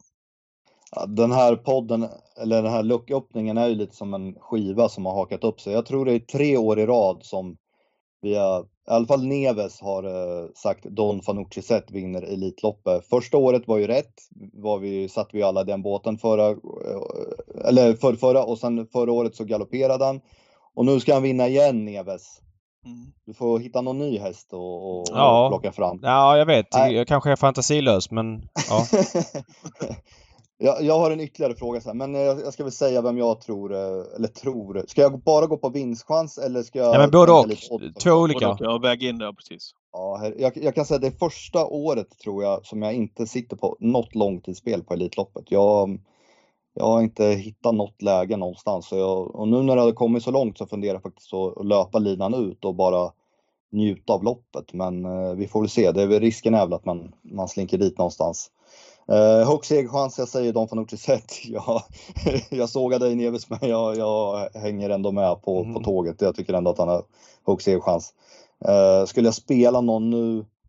Jag är sjukt spännande på Hörneck med ändringarna och sådär. Uh, men jag kan liksom inte gå i god för att det är något toppodds eller någonting. Men har jag en pistol mot huvudet, spela någon, då tar jag den tror jag. Jag måste säga det att eh, en rolig aspekt med att spela eh, vinnare till Elitloppet det är ju ATGs eh, Elitloppspool. Alltså du spelar innan försöket och den brukar omsätta helt okej. Okay. Du kan spela vinnarplats, trio tvilling kom tror jag på slutvinnaren innan försöket och det är 16 utfall vilket gör att Alltså de här nätbolagen och även då inklusive ATG har ju ganska hög rake på fasta odds inför Elitloppet. det blir vissa mm. hästar som blir liksom lite bortglömda i den där 16 hästarspoolen så håll ett öga på den innan försöken och följ liksom hur den oddsutvecklingen går. Där tycker jag att man kan... Alltså oavsett idé eller inte, innan första försöket går så är det ju två, tre hästar som alltid sticker ut i den poolen som man blir sugna på att spela. Mm, mm. Uh, ja, vilken fråga hade du? Det, ja, men det, det, är lite lurigt det där med att spela just till Elitloppet för att det är vissa Elitlopp, det, det, tar flera år innan jag kan kolla på dem igen för jag blir så tiltad. Och, mm. om ni minns förra året hade jag ju superodds på Hail Mary. Det loppet, det kommer, det kommer ta lång tid innan jag, jag, jag kan smälta att, att han inte vann där. Uh, och sen är det blandat, visst ibland har man fått in och sådär men eh, det, ja, det där är lite jobbigt. Så jag funderar på, på att njuta av det här loppet för sju gånger exempelvis Elitlopp är ju värt lika mycket som sju gånger i lopp ett på fredagen. Så det Ja, jag hoppas jag kan, eh, kan, kan avstå. Min fråga var, du är ju väldigt besatt av ålder på hästar. Var går den gränsen för vad som är bra ålder och så vidare? Över ja. fem chanslöst. Nej men det, det där är en jätteintressant fråga. Det, vi kan ha en egen podd uh, om det ämnet men det beror på helt och hållet hur en kar karriär ser ut. Vem som har tränat den, vilka uppgifter de har haft, vem som är pappa, vem som är mamma. Alltså det finns liksom ja. väldigt mycket kriterier som spelar roll i det. Jag har lärt mig eh, genom många olika travtränare att en, en häst född i Sverige som inte liksom matchas för unghästloppen når sin de, den åldern när de har bäst förutsättningar att vara som bäst. Det är sex eller sju år ungefär. Eh, sen gäller inte det alla hästar utan vissa hästar med viss stam eh, är avlade för att vara lite bättre tidigare och vissa kanske kan maxa vid 8-9 års ålder framförallt, framförallt då om man har fransk stam och inte har kört barfota med bike som treåringar utan eh, har haft liksom en fransk uppväxt. Så att det finns liksom inget riktigt svar på den frågan. Eh, det beror på vem individen är. Men jag gillar, jag, du har helt rätt, jag har förlorat jättemycket pengar och gjort jättemånga bra beslut på att eh, vägt över, alltså övertolkat åldern. Jag har svårt för äldre hästar generellt sett. Eh... Men, ja, det, det, är inget, det är inget att jag hånar dig. Nej, nej, nej, bara, nej, nej, nej. Det är bara intressant att, eh, för jag hör nästan aldrig någon prata om, eh, ja det är klart om det är liksom ett tioårigt sto och så vidare ja, kanske, ja. Men, men, men, men du här, nej, nej, nej, den är åtta år, det går inte. Alltså, du, nej, nej. nej, men så är det. Jag tycker det är intressant bara, för det, ja. jag hör bara dig prata om det. Så jag, ja, nej, men, och, och, och, och, det är en, jag tror det är en styrka och en svaghet. Jag tror att jag har gått bort mig många gånger på det och gått rätt. Men till exempel, om vi tar en häst till exempel, Stole the Show, han är åtta år nu. Jag har svårt att säga att han ska vara bättre i år än, än tidigare år. Uh, han har ändå fått ganska mycket tuffa lopp. Vi kommer ihåg jubileumspokalen allihopa och, och sådär och utvecklades ganska mycket i Hamres regi. Att han ska ha en nivå till, till, till sig i år mot vad han hade förra året. Då, då har jag svårt att, att köpa bra. Hästar blir ju med åren, det, det måste ni väl ändå hålla med om att hästar tappar skallen framförallt med åren. Det, det kan ju inte finnas något tvivel om det. Ja, majoriteten är ju så, får man ändå... De tappar, ska inte lika pigga på att göra jobb och så vidare. Sen ibland mm. kanske det är då inbakat och så vidare. Men vi får ta det i en annan podd. Men jag, jag mm. åldern för mig eh, är kanske någonting som eh, jag övervärderar i vissa lägen men jag tror att jag har haft nytta av det också. Ja. Mm. Eh, jag tänkte att vi skulle hinna med i den här podden också. syna de övriga listorna här under, under helgen givetvis. Solvalla helgen som kör igång sina tävlingar redan på fredag. David, det gillar du? Jag gillar fredagen. Jag tycker det är en lagom aptitretare. För mig som gillar att sitta på kongressen där man ser väldigt bra. Det finns ingen annan travbana som har en spot där man ser så bra som jag tycker kongressen på Solvalla. Du kommer liksom lite uppifrån. Uh, och då blir det väldigt att man sitter där, man tar inte riktigt känsla av hela stämningen på Solvalla för man är knappt utomhus för att det är en så viktig spelhelg, tycker jag. Det är så viktigt att vara med på olika spelformer och, och sådär och ha datorn framme. Det, det, har man inte på samma sätt ute. Därför är fredagen perfekt för mig. Jag kan gå dit lite avslappnat och, och få lite puls i alla fall. Och det är en lagom aptitretare. Uh, men du gillar inte det vet jag. Nej, jag, väl, jag vet inte. När, när införde man fredagstävlingarna där? Jag är väl lite traditionell av mig där. Jag tycker att lördagen och söndagen, det, det räcker för mig alldeles utmärkt. Jag tycker att den är rätt kall faktiskt, att man behöver köra Solvalla även fredagen. Ja, folk är där, de är tillresta. Men eh, för mig hade det inte gjort någonting om man hade startat upp den på lördagen med extra pepp. Men då, då kan jag säga det att det finns ju en kraft, kraftig nivåhöjning till lördagen. Det är ju ett annat musikpaket, en annan inramning och så vidare. Det är verkligen fredag är för en viss typ av folk kan mm. känna lite grann. Jag tycker den har en roll där men jag har full respekt. Vad säger du Axel? Jag har ingen stark åsikt, men eh, jag, jo, jag, jag hellre att fredagen körs än att den inte gör det. Mm. Vad alternativet är V65 Vaggeryd. Nej, eh, då kan jag hellre ha det på Solvalla och se lite bra hästar även om jag är något missnöjd över. Eh, fredagens fält. Ja, det är, det är ingen biggie, men eh, som sagt, vill, vill folk gå dit och, och, dofta på, på Valla på fredag så gör man det. För mig eh, kunde jag både ha och utan. Men eh, var det någonting i listorna på fredagen där som, som gör att man hajar till? Eh, två grejer. Det var ju jackpot. Det blev ju strax under 600 000 extra men de kommer drunkna ganska mycket för att det blir ju nästan tre gånger mer omsättning när det är Elitloppshelg på den här fredagen mot en vanlig omgång. Bara by default och nu med jackpot också så kommer de ja, som sagt inte blir så effektfullt. Så att eh, det gör att kanske man kanske lirar någon lapp som man kanske inte hade gjort annars. Men eh, jag tycker faktiskt att fredagen var ovanligt kall måste jag säga. Eh, det kändes som att de här eh, Trottex auktionsloppen, eh, jag hittade ingenting som liksom stack ut. Det, förra året var det till exempel Everyday Elegant och Night Art. Nu har de kanske då inte utvecklats så positivt men, men Power var med i något år. Alltså jag vet inte. Jag, jag tycker det har varit bättre kvalitet. Lilla Harpers tyckte jag också var lite, lite blekt. Så min spontana känslan är lite besviken men fredagen klarar jag mig utan en toppsport. Det är helt okej. Okay. Mm. Mm. Ja, jag såg Celias skulle ut där i alla fall. Och ja, den har nog bra chans. Emil, berätta, Emil Persson berättade här. Eh, Celias ifrån Alessandro Gocciadoro ska ut på fredag. Mm. Eh, lördagens tävlingar kanske är roligare att prata om. Vad, vad tycker ni om eh, dem rent spontant när ni ögnade igenom listorna här för en kort stund sedan de blev klara? Ja, jag har inte gjort det än så jag får göra det nu. Okej, då, Nej. då, då lucköppnar vi. Ja, ja vi lucköppnar. Jag tycker V75 höll eh, ganska bra klass med Harper som en bra klass. Sweden Cup tyckte jag var bra. Riktigt bra. Men vi kan ta det lopp för lopp. Lopp 1 eh, lördag. Sweden Cup försök 1. Spontan? Mm. Sweden Spontant. Cup har jag sett. Mm. Ja. Spontant. Eh, gul pilot, Beppe B. Han fick innerspår. Eh, mm. Möter Hidalgo Heldia, Invectus Mabiba. Million Dollar Rhyme, Hero Book och Upperface och Axel Ruda. Det är väl, det är väl Gocciadoros show det där. Han vann ju loppet i fjol, eh, hade spår rätt i finalen då. Dock kör han i röd dress när han kör den här hästen Patrik. Det ja, måste du ha koll ja, på. Eh, ja, är det någon jag har koll på så är det BPB, tro mig. Eh, jag vet att eh, Fredrik B Larsson gillar att köra den här helgen eller ha hästarna ut. Men jag tycker Million Dollar Rhyme har varit bedrövlig två starter i rad. Han var dålig i lördags på Gävle. Dyker upp här anmäld med skor. Men Magnus har ljus uppsatt. Det är ändå lite intressant. Men eh, ja, ja men toppchans BPB spontant.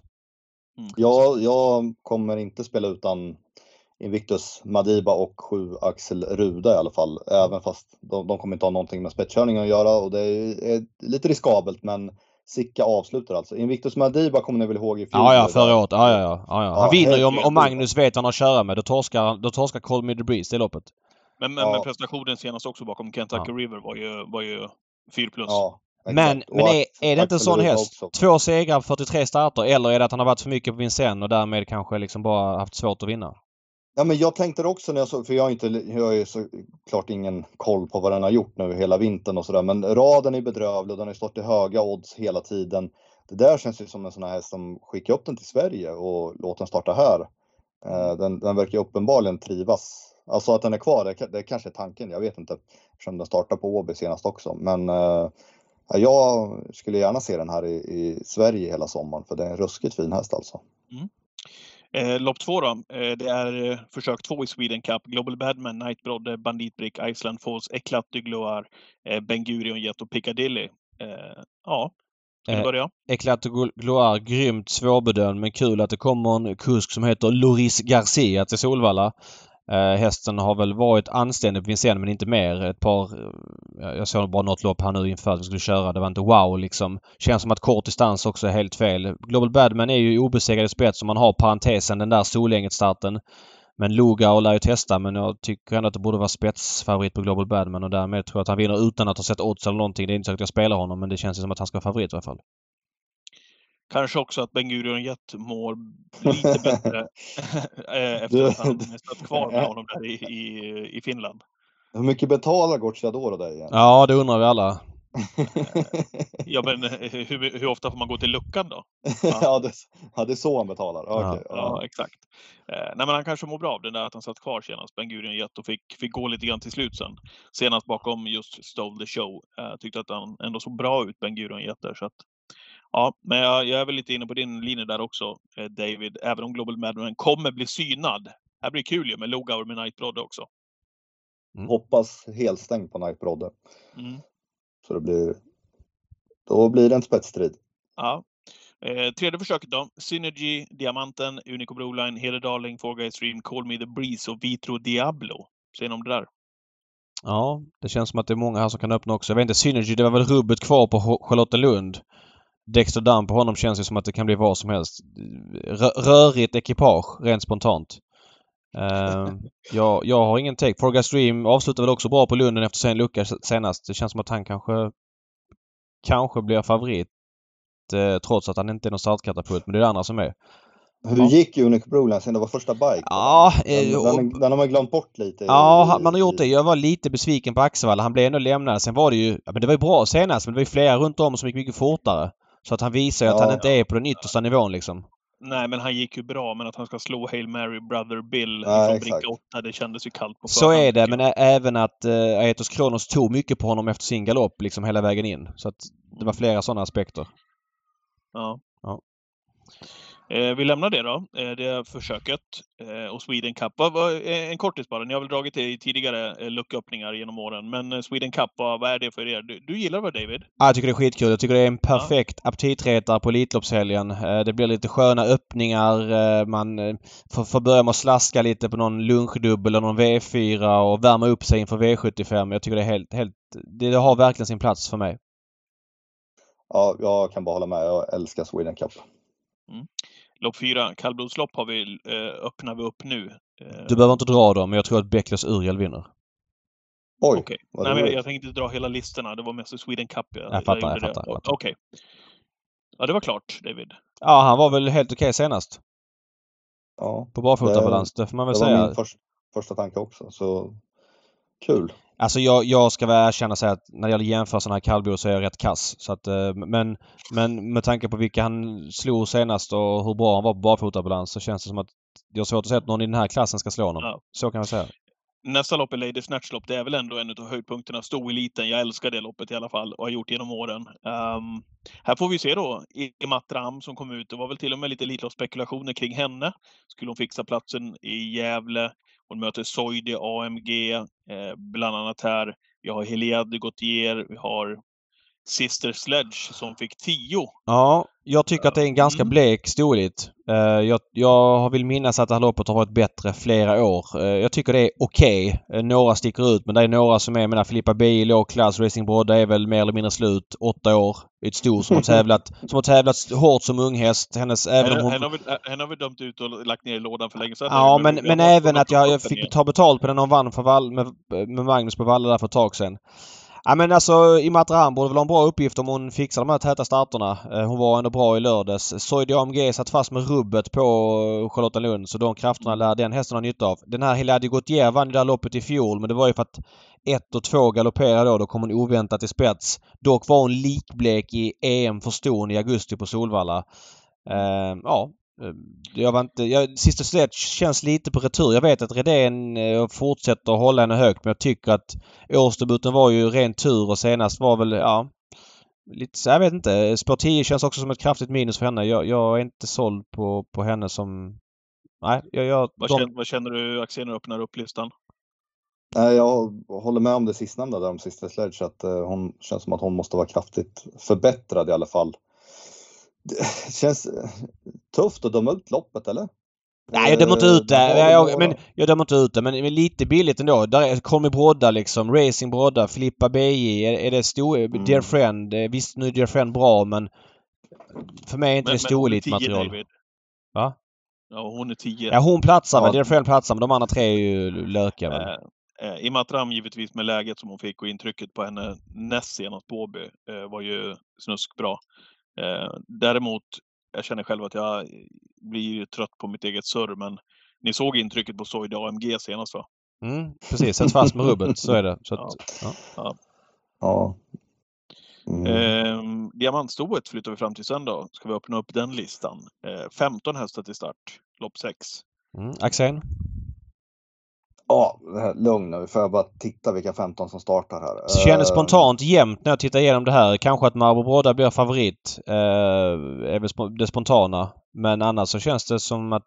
Ja, Devs Daffodil som ni, nioårig, nioårig Mär efter en Joy Lavec. Jag har svårt att se henne ta 40 på en sommarbana om det nu blir bra väder. Så kan jag säga i alla fall. Även om det är en vass avslutare. Den här, den här Ultraviolet, den, um, den var ju på Falsik tidigare och jag vet att han pratade väldigt gott om den hästen och sen mm. Andrea hyllade den kraftigt när han tog över träningen. Jag tappade den helt när jag rankade den på Jägersro näst senast när den var på V7. Uh, eh, och sen vann den även i starten efteråt, men det känns ju som att utan att kolla spetsen, men skulle hon hålla upp så kommer nog hon bli väldigt svårslagen, är väl min spontana tanke och den är ytterst spontan. Men det, eh, det är där jag har ja, ja. Men, men hela, hela lucköppningen är spontan. Så det, mm. ja, det, ja, ja, det, det är absolut, ta inte det som speltips utan man får verkligen nej, in, nej, innan odds och allting. Ja. Nej, exakt. Ja. Mm. Nej, ingen take. Ingen take. Nej, ingen take på loppet. Eh, vi hoppar över lopp 7 då, som är finalen av Sweden Cup. Eh, lopp 8 Klass 1-finalen. Det här är den bästa finalen tror jag relativt sett eh, vid hästarna som är i klassen. Vi har Heartbeat Thunder, vi har Friends of Elves, vi har Keystone Cash, vi har Dragons Bar, vi har Kingslayer Pellini, vi har Demon och LVO Khalifa. Uh, här är det flera bra hästar. Framförallt Heartbeat Thunder och Dragons Bar. Dragons Bar som är en utav Gocciadoros tre klassklättrare. Debuterade ju på Värmo senast men sa, gav ett trögt intryck. Men Emil sa att han hade kommit till Sverige några dagar innan. Lär vara kraftigt förbättrad.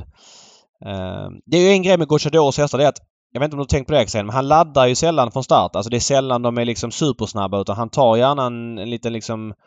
Han kommer gärna andra vågen. Mm. Och då, mm, då mm. kan det bli lite spår när de har spår 8 sådär liksom. Uh, men det är två häftiga fyringar som möts här. Jag, jag, kan inte säga att den ena är bättre än den andra för Heartbeat Thunder vann ju helt okör senast.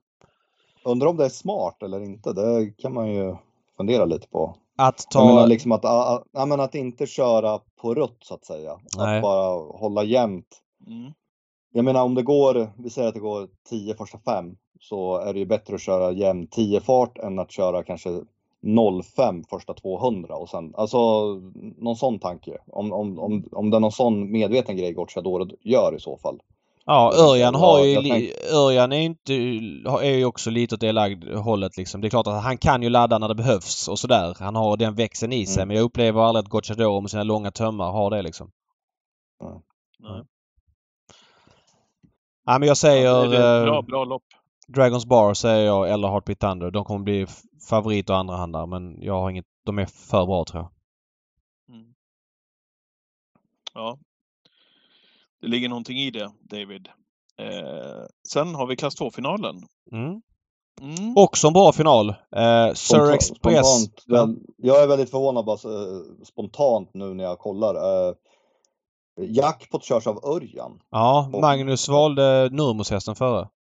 Valde han den alltså? Det, det måste han ha gjort. Jag skulle bli förvånad annars. Är inte det rimligt att han väljer Nurmos, som, om han nu ska vara första kust där, att välja den före jackpot, eller? Det är väl, det är väl det är så tror jag att han resonerar, om jag gissar, killgissar här, för att det är väl Nurmos han, han känner att det är väl det han har de närmaste åren här och får han vara första kusk där. Sen vet jag att Magnus håller jackpot jättehögt alltså kapacitetsmässigt så att rent hästmässigt så är jag inte helt säker på om du frågar Magnus om Melby Imperial är bättre än jackpot. Det tvivlar jag på. Han, han håller den högt också har jag hört. Så Aha, han, okay. hade nog, ja, han hade nog eh, svårt att välja. Sen Oskar Berglund, gammal kompis. Han är ju liksom, jag upplever Magnus A. Djuse inte som en sån som Ja, men han kan vara lojal liksom mot gamla, han, han behöver inte alltid välja bästa, liksom, alltså det egoistiska valet utan han kan säga, ja men Oskar är en gammal kompis och sådär också. Så mm. uh, ja, det skulle vara kul, kul att, att höra hur han tänkte där faktiskt. Skönt kuskval av Westholm på Working Class Hero, Gabriele Gelomini. Mm, ja men det gillar man väl. Mm, ja absolut, det är kul. Men också en bra final. Kaxigini, Jackpot, Smile Silvio, Working Class Hero, eh, Sir Express som var, alltså den avslutningen han gör på Lunden senast i sista svängen. Han rundar ju allt liksom och går just det, just hela vägen in. Och Patrik Palema, Melby Imperial. Det här är också en... Jag tar tillbaka det jag sa. Det här är nog den bästa finalen relativt sett faktiskt. Eller, eller någon av klass 1 och 2 är bäst relativt sett. Okej, nästa lopp då. Bronsdivisionsfinalen. Vilken, eh, Vilken Ja. håller ni högst, högst här när ni slår upp listan? Ja, det är ju givet. Här har vi omgångens största favorit kommer vi få. Det är ju fyra Castor Star. Eh, han är ju startsnabb, fick ett perfekt läge. Den här S Trench är ju ganska snabb ut men den fick ju 06 öppning senast på Biri. eh, Och, stannade helt och jag vet inte, Mickelborg är lite åt det passiva hållet. Jag vet inte om Mats kanske inte kan ta en längd direkt och, och Alltså jag säger inte att han vinner Castor Star. Det får vi återkomma till för vi, vi snackar väl 55% plus innan det är klart. Men... Vi får eh, väl också säga det för de som inte är helt med av. var ju fototorsk mot Francesco sett Ja, senast. precis. Vilken jävla utveckling på den hästen. Ja. Alltså. Det Ja, är verkligen. grymt vad bra den har gått. Alltså. Ehm, Ja, ja, det- Han kanske löser det där, men eh, jag gillar ju Westholms andra häst i det här loppet, Global Concept. Mm. Mm, Och- den är fin. Ja, otroligt fin. Ehm, sen då? Silverdivisionsfinal. Lite besviken på den här finalen tycker jag. Ja, Eh, okej. Den är ju den är, det är en bra final men silverdivisionen, vissa Elitloppshelger har varit så här helt otrolig liksom. Eh, det, där är några bra hästar men Reedy Lavec ner i klass kan man väl säga. Ja. Det, det, så är det. Och Reedy Lavec kommer att bli hårt anlitad och jag eh, tror att han blir favorit och jag oavsett procent på honom som favorit så kommer jag gå emot honom. Jag, jag tror att en Elitloppshelg mot så här pass bra hästar, jag tror att det kan bli långt hem. Jag har fått den känslan tidigare att ja, jag vet inte, full väg och spets. Om han blir betrodd. Mm, Då, ju. ja, men ja, jag har en känsla. Det blev väl lite fel senast i Finland också va? Ehm, jag tror det kan bli lång väg hem för honom. Det är min spontana tanke. Jag vet inte, Hipster Arm kanske. Ehm, bra startrygg i Reedy Lavec borde kunna komma vettigt igenom. Axel, vad säger du? Nästa. Falcon Eye bara Okej. fota runt om kanske? Ja, men vet du, vi kör nästa. Harper Ja. Hannovers lopp. Ja, här vill jag ha en klaring. Blixtsnabbt. Ja, det vill jag också ha för att den här dubben kommer nog kunna ge ganska bra tror jag. En riktigt rolig dagens dubbel och Vad säger, vad säger ni om upplagan av eh, Harper som det ju alltid snackas mest om bakom Ja. Elitloppet inför den här helgen? Av eh, självklara skäl. Ja men det är klart. Spelmässigt, eh, spelmässigt grymt. Ja. Alltså vilket lopp rent spelmässigt. Ja, Ska, ska man vara den här som gnäller på någonting, gärna någon sån här alltså superkanon från Frankrike. Vad jag har förstått så är de här, de är helt okej de här franska, Fakir Mahey och Hatchetman. Men Men, eh, gärna, Hatchetman fick väl wildcard va? Hade inte poäng, tror jag i alla fall, att, eh, när jag kollade till det som hastigast. Jag tror att Nej, han men var precis. wildcard inbjuden, Hatchetman. Skulle det vara någonting för, för att höja, då är alltså en, en Milord de Melleray, en sån eh, häst för att dra till en gammal referens. Eh, Ja, och det Men- intressanta är att, jag bara måste bara fylla i, Milord de Milleré när han vann, jag tror det var 07, han var ju inte någon superstjärna i Frankrike utan det var ju en sån som de här lite så här, men svårbedömd men, men älskade tusenmetersbana den dagen och sprang bra runt om. Mm. Eh, Ja men eh, Bird Parker då? Alltså liksom. om ja, nej men eller en Diable du absolut. Jag håller med om det. Eh, Santo Raitala på Aetos Kronos, Magnus Djuse kör Eric the Eel. Alltså Eric de Eel avslutar i ett lopp Prix d'Amérique-dagen som ehm, vad heter nu Reddy Cash-sonen som är norsk trä, tränad som är i Frankrike som varit så bra hela vintern. Uh, fan heter han? Ja, skitsamma. Jag kommer inte på det. Prix var i alla fall. Det är bara att kolla på det loppet. Han flyger fram längst ut i banan. Ja, jag... jag, jag helt Vad ger ni, enorm. vad ger ni Aetos Kronos för möjligheter? Ja, han ska trava först och främst. Men han är väl inte borta. Vi får se. Det känns inte som att han är jätte hårt anlitad. var det Or- Oracle Tile? Oracle Tile, precis, precis. Ja. Kolla som han flyger längst ut i det loppet. Det är en enorm avslutning. Sen har jag inte koll på honom efter det och form och skor och inte och allt det där. Det finns många frågetecken men han har fart i varje fall. Ja, Eh, alltså det är vilket lopp det blev. så är det. Brown, Och, och Kentucky River fick alltså springspår på, ja, på 20. inte springband, precis. Springspår. Mm. Ensamt spring. Han blir ju favorit i loppet tror jag. Eh, de två på start står ju sjukt tufft inne helt plötsligt med tanke på att de andra står så pass nära. Men Ja, jag- vad blir han favorit på? 22 procent? Ja, nej exakt. Ja men exakt. exakt. Exakt så. Ja. Exakt så. Exakt så. Men Power var ju också bra senast. Nu har han det loppet i kroppen och han vill bara fota runt om. Ja, det, det, det finns Mm. må många intressanta här. Versace Fe, så bra var inte han i Örebro. Då gick det att ta betalt på honom. Det kanske är lite svårare nu men... Jo, Ja. men det, jag tror du kan få ett liknande odds i alla fall om, du, Ja, men- om du är inne på det. Eller i alla fall, jag tror att mer tror man kanske. Jo, det kanske man får. Men känslan är bara att det är för tufft emot kanske. Jo, så är det ju. Så Ja. är det. Ja. Har vi, har vi, har vi, har vi lördagens klaraste i lopp 13? Fyraåringsloppet. Mm, det har vi. Det var skönt att de la det där så Patrik inte kunde få sin 90% på V4. Mm. Men Mm. vart bricka 12 ändå? Igen. Mm. Danao Deglidé. Mm. Mm. Nej, det är nog väldigt bra man, chans. kan, man, man, kan säga att, man kan säga att den har tjänat lite för lite. Ja, så är det. Ska vi gå vidare till söndagen? Samma med, samma med den där andra. Ni, ly- lyfte inte ni fram den i eran podd med Emil där? Expo Wise Ass? Nej, den var inte med bland de tre. Men eh, den, Nej, okej. Ja, den är ju sinnessjuk. Det är 12 och lite- 1 i, i lopp eh, 12 Ja. i lördags full väg som treåring. Det är starkt. Ska vi säga någonting om speedways, lopp 1 på söndag? Ja, menar att du hatar speedrace? Jag hatar inte speedways men jag, jag tycker inte det tillför så mycket en Elitloppssöndag. Det kunde ligga på fredagen kanske som kallblods speedways. Men som sagt, det, det är vad det är. Det är inget jag, jag ligger och grubblar över på Sömnlös nätterna. över. Nej, nej. Vad ligger du och det? grubblar över på nätterna? Ja, det är andra saker, det kan jag säga det. Okej. Mm. Ja, precis. Vad har vi då? Alltså känslan är Ja, att jag- de här med spår 1, alltså det vill säga häst nummer 1, 4 och 7 eh, har ju en enorm fördel. Det är ju svårt att ta längder de här loppen. Eh, ja, Pastor Bob är ju en annan klass än ett par andra. Han är ju snabb ut. Jag, jag, jag måste kolla det här. Jag har inte full karta för mig. Vad säger du Axel? Ja, men det, det sjuka är att vad ska man säga? Det, det kan låta konstigt och jag har sagt det förut, men även fast det är 640 meter, de ska stå hela vägen hem i Ja. försök och final. Man har, man har sett många hästar stumna fast att Mm. man tycker att det är så Ja, kort. Mm. Eh, så ja, eh, det är inte per automatik att man vinner för att man eh, Nej. spetsar eller har det innersta spåret. Eh, Men det är stor, stor fördel. Stor fördel. Kon- Kondiora är ju Ja. sinnessjuk snabbast, Ja. vilket man blev påmind om igen i, igår. Va? Ja. Ja, ja, vi, vi, vi, droppar, vi droppar det där. Ja. Ska vi säga någonting om lopp två på Ah, Solvalla det var ett gäng söndag? V75-hästar, varenda en, en spårtrappa. Ja. Pass på den. Vi kan gå vidare. Monté-eliten, lopp tre. Ja. Jag pratade med vår gemensamma vän Jesus igår bara om han hajar till på någon häst så sa han bara att jag tror att Dimo Dokan vinner Monté-eliten. Så att man får väl ta Oj. det. Jesus är ju både frankofil och eh, Monté-älskare, så det tar man ju på allvar. Ja. Ja. Är det en ny Florida Sport, tro? Ja, En sån det, prestation vill man ju gärna se. ja. Det känns ju som att det är en konstig proposition när Dallas dyker upp här och tjänat eh, 889 000 mot de som har tjänat nästan 10 miljoner. Men eh, Dallas är inte oäven. Inget, inget ont om Dallas. Tveklöst inte. Det, Nej. Sportloppet är oäven. Treårings- Treåringseliten förstod loppet därefter. Ja, här sa ju Reo Liljendahl senast, han, apropå det här med långa och korta karriärer.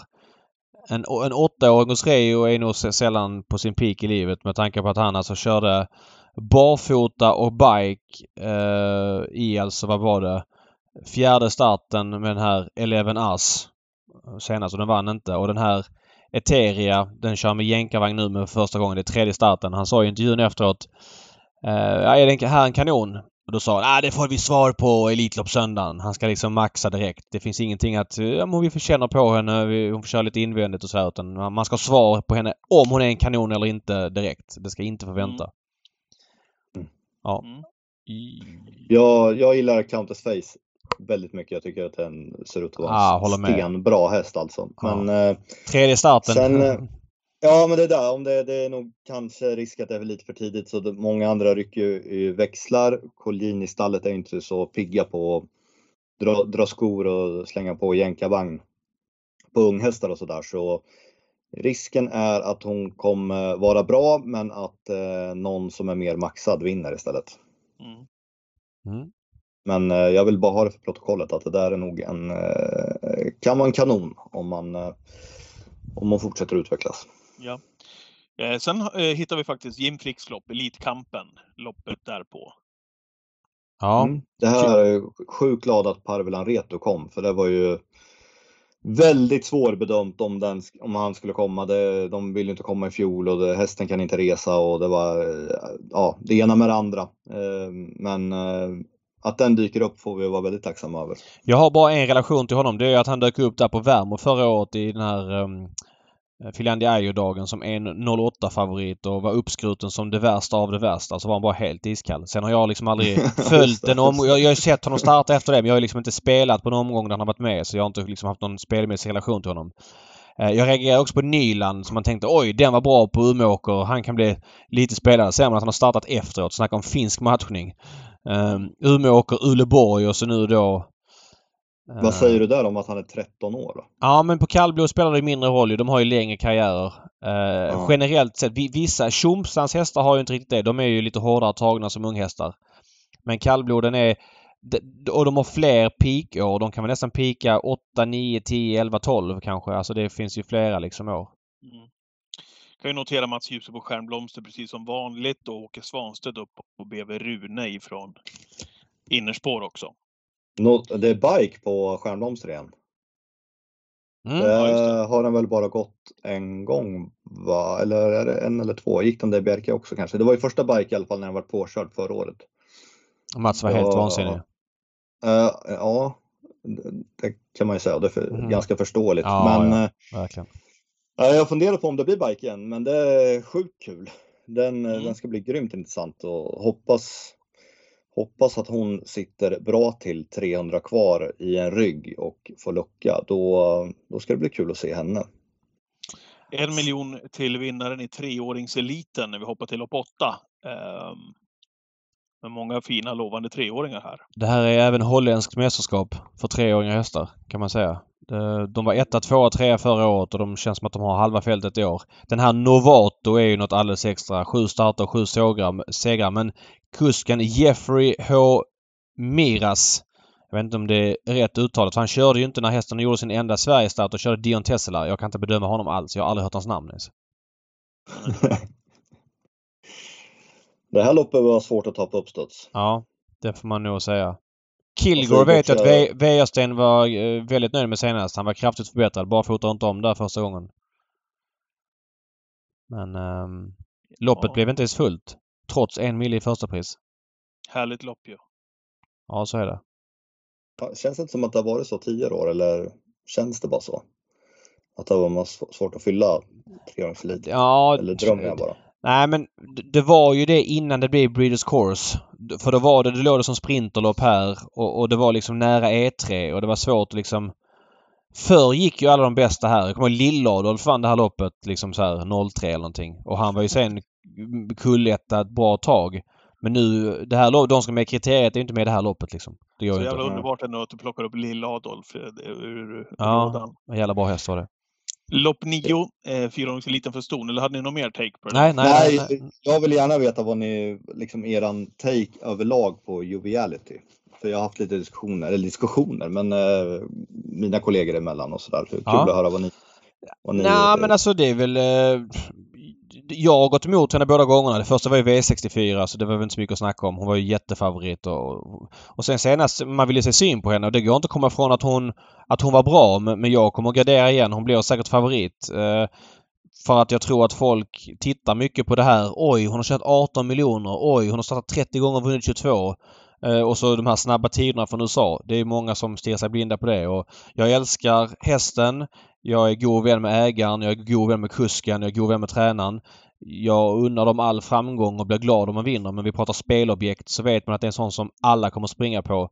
Och de här amerikanska hästarna de har ju liksom... De är i olika skeden av sina karriärer när de kommer över och det är inte osannolikt att en häst som kommer över inför Sverigesäsongen har gjort 28 starter. Det, är, det har varit 28 tuffa lopp för henne liksom. Eh, än så länge har det funkat. Vi får se. Det är en lång säsong för henne. Hon ska ut i Storchampionatet, det är derbyt och så vidare och så vidare. Men som favorit kommer jag inte spela henne i alla fall. Jag kan bara gissa. Du får berätta strax Axén vad, vad den här diskussionen har handlat om. Men eh, min take på Joviality är ju att hon eh, har ju motsvarat precis alla förväntningar som man hade på henne. Eh, hon har sett okörd ut i de här loppen. Däremot så tyckte jag att det var eh, intressant att hon fick spår 9 över 1600 meter nu mot de här hästarna på, på Elitloppshelgen. Så att ska vi se vad, vad hon kan göra. Men, men i mina ögon fullständigt briljant i de här starterna och har vunnit med hur mycket krafter kvar som helst skulle jag vilja påstå. Ja, ja men eh, majoriteten tycker väl som eh, Neves att eh, given att gardera, kan till och med vara lite överskattad och så vidare och så vidare. Eh, jag, ja, det, min spontana tanke är också att gardera om hon blir klar favorit, vilket hon eh, med väldigt hög sannolikhet blir. Eh, jag tycker dock att hon är sjukt fin, men och blir lite rädd för att det här är en sån här ny ni vet Diana Sett, Margareta Thoma, en sån här som man bara ska fälla hela tiden och så bara vinner hon till 1,50, 40 raka starter. Liksom att Eh, ja, jag blir nästan lite så här eh, skraj typ eh, att vad som kommer ske den här sommaren typ. Men ja, blir hon megafavorit så tvingas man nästan fortsätta syna henne så att säga. I, i trots att hon, hon vann drottning Silvias pokal från döden, så mycket, hur mycket mer ska hon synas? Men ja, ni fattar vad jag menar. Uh, och sen är man grymt spänd på den här Jessie Perrin. Ja, ja, alltså hon, hon blir ju spe, alltså liret i loppen, loppet, så är det ju. Alltså, uh, hon var ju kulletta halva första året, förra året. Mm. Och sen så stötte hon på Jessie Gigolo och var väl knappt andra handa där. Sen har det varit tuffa lopp liksom. Men nu tusenmetersbana, jag håller med dig helt och hållet. Gopa upp. Hon, det kommer säkert, det är en draghäst så det bara sjunger om det känns det som. Ja. För att alla ska hitta någonting, något roligt bakom och då blir det säkert henne med alla där, Ja. Ja. Fyraåringseliten lopp 10. Tommy Hanés lopp. Ja, där eh, trodde man ju att... Double Deceiver då bricka 8, vilket kanske i alla fall gör det lite mer spännande. Eller det kanske det inte blir ändå. Jo, men det är ju... Geocache spår 1, det är ju en superkanon väl? Det frågan om den kan hålla ledningen. Tvåan är snabb ut. Ja. Hur bedömer man Jaguar Vitt, Sebastian Gurato? Mm, ska jag dra lite snabbt hur han har gjort det fem senaste? Nej men det här är ju, den här BA Superhero vann ju på ett bra sätt på Lund, i Lund, på Lunden senast när um, Don't Cigar galopperade. Ja just det. Uh, men, men jag tror att Double Zero blir favorit, eller jag är ganska säker på det. Uh, med loppet i kroppen, helt rätt distans och sådär. Men det är trixigt från spår 8, så är det. Uh, kan bli lite spår och så vidare, så vi får se. Men, uh... vad, gillar, vad gillar ni Double Deceiver då, när ni såg hästen? Ni såg väl? Eller såg ah, jo, jo, han ja, jo, liten. Vad sa du? Han är ju liten. Han är väldigt liten. Han är rätt bra också. Jo, jo. Det får man ju säga. Tjänat sju millar, så det är klart han är bra. Men vad liten han är. Alltså otroligt liten. Så som en ponny nästan. Sen blir man ju så sjukt färgad eller vad man säger av Redéns snack. Ja, dels att den kostar 500 000 dollar. Som Wallach. Som Wallach och eh, på det sättet Redén skryter upp den som jämför den med Delicious och så vidare. Så ja, eh, man har ju mega respekt för den hästen såklart. Eh, dels på intrycket senast och det surret då. Eh, men ja, jag ska, ska bli kul att gå igenom spetstiden här. Min förhoppning är att Gio Cash kan hålla ledningen. Eh, det vet jag inte säkert. Eh, nu drar jag av en slump upp loppet längst upp. Då hade han spår 1 öppnade väldigt snabbt då faktiskt. På ledningen på Missan. Ja, det ska bli kul att gå igenom. Jag hoppas att den håller ledningen. Då blir det här ett roligt lopp att kolla på. Ja. Kan vi få en ny sån här sista sledge mot BPB duell kanske? Oh, det intressanta här är att eh, Dagens Dubbel 1 går som lopp 10. Sen däremellan går, är det Elitloppets final. Sen går Dagens Dubbel 2 efteråt. Känns som att mm. det inte gynnar Dagens Dubbelomsättningen. Många som kommer få låsa sina pengar på dubben och inte kan bomba på, på eller det kommer missgynna Elitloppsvinnarpoolspelen Kommer det göra. För det ligger nog 10 millar låsta där. Eh, som folk inte kan vända på vinnarliret. Eh, men jag förstår att man vill ha något lopp efter för man kan inte ha Elitloppet som sista lopp för det blir för trångt ut från Solvalla. Men eh, jag vet inte om det här är optimalt eller kanske att man ska köra två lopp, två dagens dubbel efter Elitloppet men då vet jag att man inte vill att Elitloppskuskarna ska köra igen för att de ska kunna ta ett glas champagne efteråt och, och slappna av och slippa det. Så att ja, det blir inte optimalt så här i varje fall. Vill ni, vill ni ha någon take på räddningsplank i loppen, lopp 12 och 13? Ja, gärna. Du gillar ja. Atomic Face tror jag. Ja, nu får jag väl... Jag, jag vet inte. Ja. Jag tycker att det är en jättefin häst i alla fall. Nu fick han spår 12. Ja. Men det, är, men det är en väldigt bra, väldigt bra häst. Ja, jag håller med. Det är en riktigt bra häst. Ja, Mm, lopp 13 var väl ingenting att skriva hem om va? Det den var amatörmatchen. amatörmatchen, ja precis, mellan Sverige och Frankrike. Där kan det ju hända lite vad som helst. Eh, vad har vi på kusken där David, på fyran? Uh, ja, jag, jag kan säga, jag tror inte jag har sett det här loppet de sista tre åren om jag ska vara ärlig. Jag, Man har zonat ut efter Elitloppets final. Man står och surrar med någon om varför det gick som det gick och sen så är det massa andra surr och så sitter man och rättar lappar och går igenom hur mycket man backade och, och sådär. Här har jag liksom... Oj, är det lopp nu? Tittar man ut liksom. Men det, det, här är, det här kan ju bli lite. Jo, jo säkert men jag har ingen koll på de här hästarna. Metzemakers. Ja. Metzemakers. Ja. Kämpa med Maker. En timme och 25 minuter är vi uppe i. Ska vi säga något mer Ja. eller? ehm, Ja, men det är väl Oj, klart. Det, det är alla, alla tiders rekord i, i den här podden tror jag och Ja, eh, lucköppning. Nej, nej. Det Det är, en sån, det är ju den veckan så det gäller ju bara att... Så är det. Och för att skruva upp eh, tempen lite till nu då, så har jag lovat jag här i veckans podd också, David, en liten kortare frågesport också här mellan dig, dig och Axén. Vi är Just redo. det. Vi- Är ni redo? Och då, och då kommer Ja. vi göra så här så att alla lyssnare här i podden också nu eh, förstår hur det går till. Så får man ju då chansen då som lyssnare av podden att gissa på sin nivå. Och när ni då eh, tror er ha en gissning på, på någon av 5, 4, 3, 2 eller 1 nivån så messar ni det till mig eh, var och en. Inte i våran gemensamma tråd då givetvis, utan Nej, nej, ni smsar vinnaren bara. Och så Men ska man, säga, ska, ska man säga stopp på typ femman så att man hinner? Ja, det kan du göra. Så får jag vänta in ditt... Ja, Sms, ja. ja exakt. Du Ja. brukar plugga in för det här Neves? Nej, ingenting. Jag kör allt på volley hela mitt liv. Ja. Ja. Eh, ta, ta det för vad det är. Eh, Ja. Jag kastade ihop det här. Vi kommer alltså ha två kategorier. Jag börjar nu med en häst. En Mm. Elitloppshäst alltså. Ja. Okej? På fem poäng. Min pappa heter Enjoy Lavec och min mamma Fashion Setter. Och nu är det givetvis ingen, Nej, nej, såklart inte. det tar jag för givet. Eh, jag, jag, jag, jag, jag chansar. Jaha. Eh,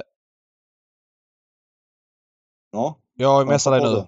Ja, Jag, jag, smsar, jag smsar nu. Jag, jag drar till med... Äh, vänta, vänta. Ja, Ja, då ska jag... Fan. eh, vad heter den? På fyra poäng då. Du var, herregud. du var före Neves där, så ni får inte få ta samma nivå ändå. Ah, Okej, Nej, okej, okej. Eh, På fyra poäng. Första gången jag var med i Elitloppet slutade jag trea. Året efter åkte jag ut redan i försöket. Jag tror att jag har Samma rätt. försök som för övrigt vanns av Sahara Dynamite. Ja, jag har rätt. Det är helt sjukt. Mm. Han, han var favorit i var- sitt försök också. Den här hästen. Ja, lugn nu. Ja, men jag är helt säker på att jag satte den på fem. Mm. Mm. Så vi tar trean också. Ja, nej, nej, nej, nej, nej, för jag, jag, nu vet jag, jag vet vilken det är. Jag kommer inte på namnet, men det hade inte spelat någon roll. Men jag skriver exakt samma.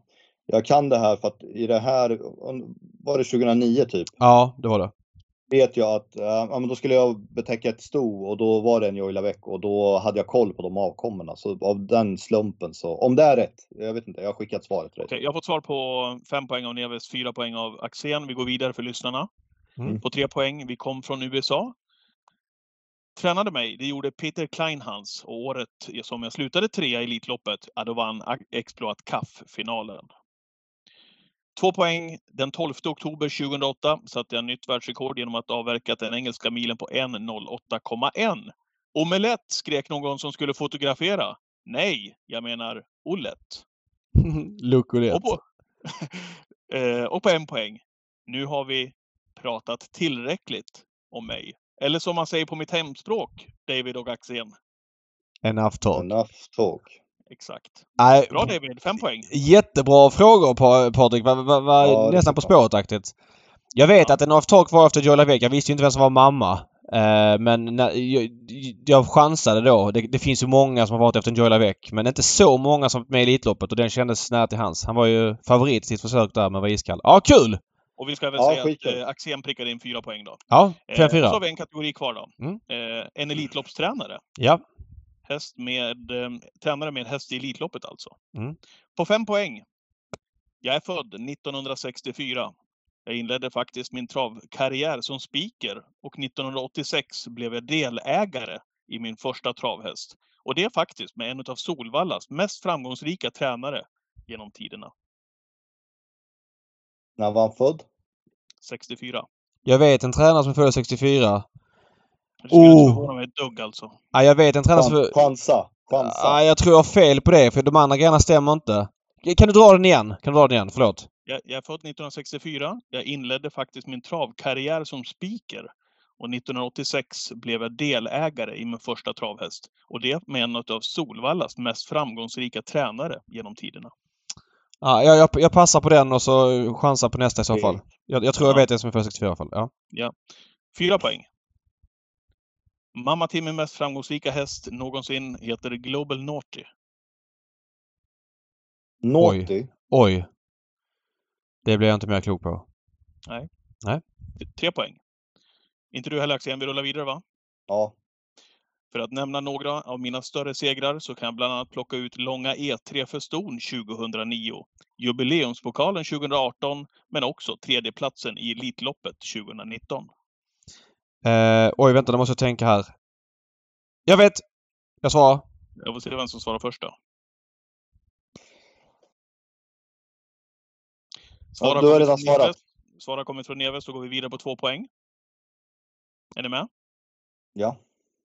Eh, du tror att du har hyfsad, hyfsad koll där i Axén, eller? Vi, vi kör, vi Jag kör kan, på två jag kan skriva redan nu. Men det, det, får, jag, får jag svara på samma eller? Eh, Okej, Ja, eh, det spelar ingen roll. Han, han vinner ju med en poäng ändå. Så jävla riggad quiz. Nej. på, på, på, Enough två talk. poäng. För, eh, för våra lyssnare då. Ni har svarat båda två. Mm. På två poäng. Lyssna här.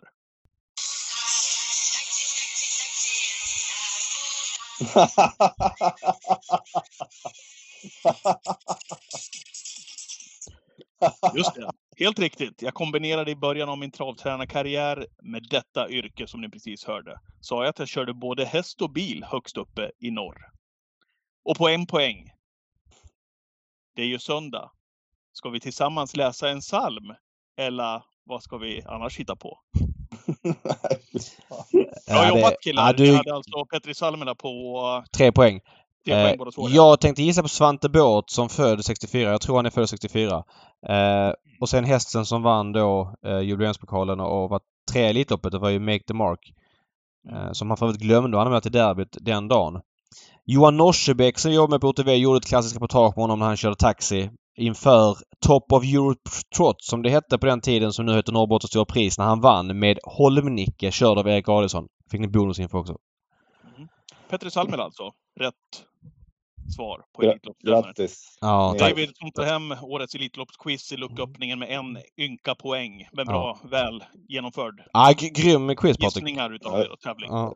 Ruggig quiz och det är ingen skam att förlora mot ni. Alltså, ditt specialämne är ju Elitloppet. Så att jag ens var med på målfotot får jag vara glad över. Ja, men det var lite dataaccent som vi säger. Så att ehm, vi kommer igen.